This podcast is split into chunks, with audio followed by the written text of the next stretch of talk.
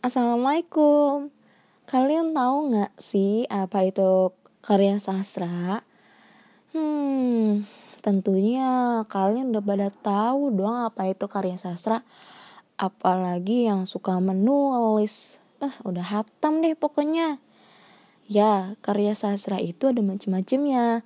Ada karya sastra prosa, puisi, dan drama. Prosa juga ada lagi nih macam-macamnya ada novel, cerita rakyat, cerita pendek, dan cerita anak. Nah, berbicara mengenai sastra, tentunya kalian tahu nih seorang sastrawan yang sangat didam-idamkan oleh para generasi milenial. Ya, siapa lagi kalau bukan Bapak Sapari di Cokodamono? Wah, beliau itu hebat banget ya menciptakan karya sastranya. Nah, berbicara mengenai karya sastra, kalian perlu nih mengetahui juga apa itu kritik sastra. Nggak tahu kan kalian apa itu kritik sastra? Ya, kritik sastra adalah disiplin ilmu sastra yang berusaha untuk mendeskripsikan, mempelajari, menganalisis, menghakimi, dan mengevaluasi karya sastra secara lebih luas. Kritik sastra biasanya dihasilkan oleh kritikus sastra. Hayo, tahu nggak nih apa itu kritikus sastra? Oke, aku kasih tahu ya. Kritikus sastra adalah dia yang menyoroti dan menganalisa sebuah sastra dalam perspektif kesejarahan dan filsafat, tetapi juga dia yang sekedar memberi timbangan dan komentar.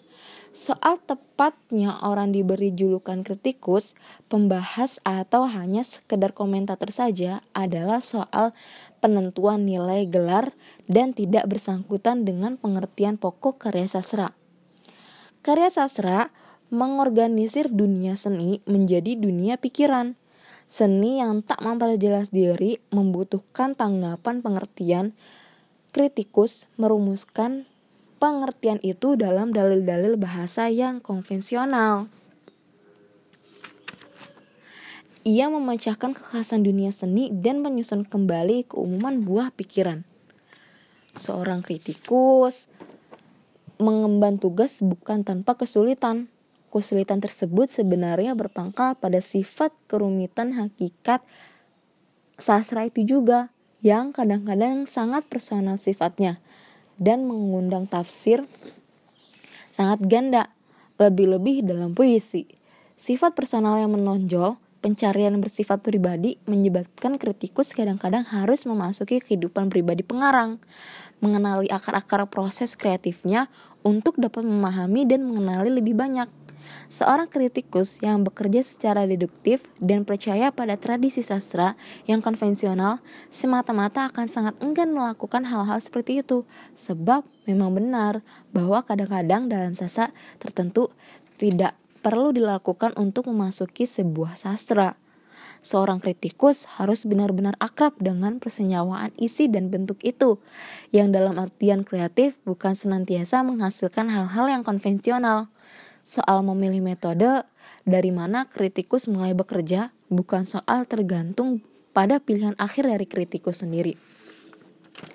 Nah, seorang kritikus atau mengkritik sastra perlu adanya landasan teori dan sejarah sastra. Berbicara mengenai teori sastra, apa sih teori sastra? Nah, teori sastra adalah berbicara tentang kaidah-kaidah yang dapat diterapkan dalam analisis karya sastra.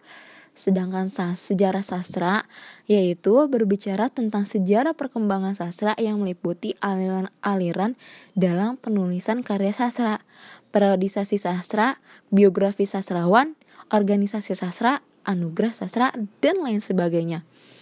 Tanpa adanya karya sastra, tidak mungkin adanya studi sastra dan tanpa adanya teori sastra dan sejarah sastra tidak bisa mengkritiki sastra. Kenati pun kritik sastra Indonesia modern sudah dimulai sejak Muhammad Yamin mengkritisi sastra Melayu perkembangan kritik sastra modern belum dapat mengimbangi pesatnya perkembangan karya sastra. Padahal, kritik sastra memiliki posisi penting dalam memberi pemahaman terhadap karya-karya sastra yang terus bermunculan.